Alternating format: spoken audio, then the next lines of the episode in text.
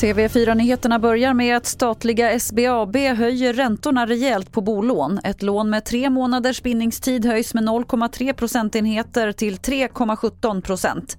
Räntan på bolån med ett års bindningstid hamnar på 4,17 procent och för femåriga bindningstider ligger räntan nu på 4,36 procent. En kvinna i 20-årsåldern begärs nu häktad misstänkt för att ha misshandlat sin treåriga dotter. Tidigare i veckan spreds ett filmklipp i sociala medier som visade hur en kvinna misshandlade en liten flicka. Polisen kunde snabbt identifiera kvinnan och gripa henne och hon begärs nu alltså häktad misstänkt för grov misshandel.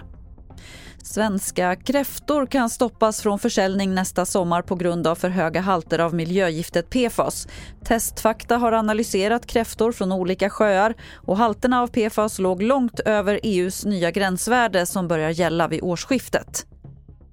Det är väldigt tråkigt, men det visar ju på hur eh, långt det har gått nu med alla utsläpp av PFAS. Så höga halter nu så att det påverkar både miljön och numera då också svensk livsmedelsproduktion och i förlängning vår hälsa. Det sa Cecilia Hedfors som är sakkunnig inom miljögifter på Naturskyddsföreningen. Och fler nyheter det hittar du på tv4.se. Jag heter Lotta Wall.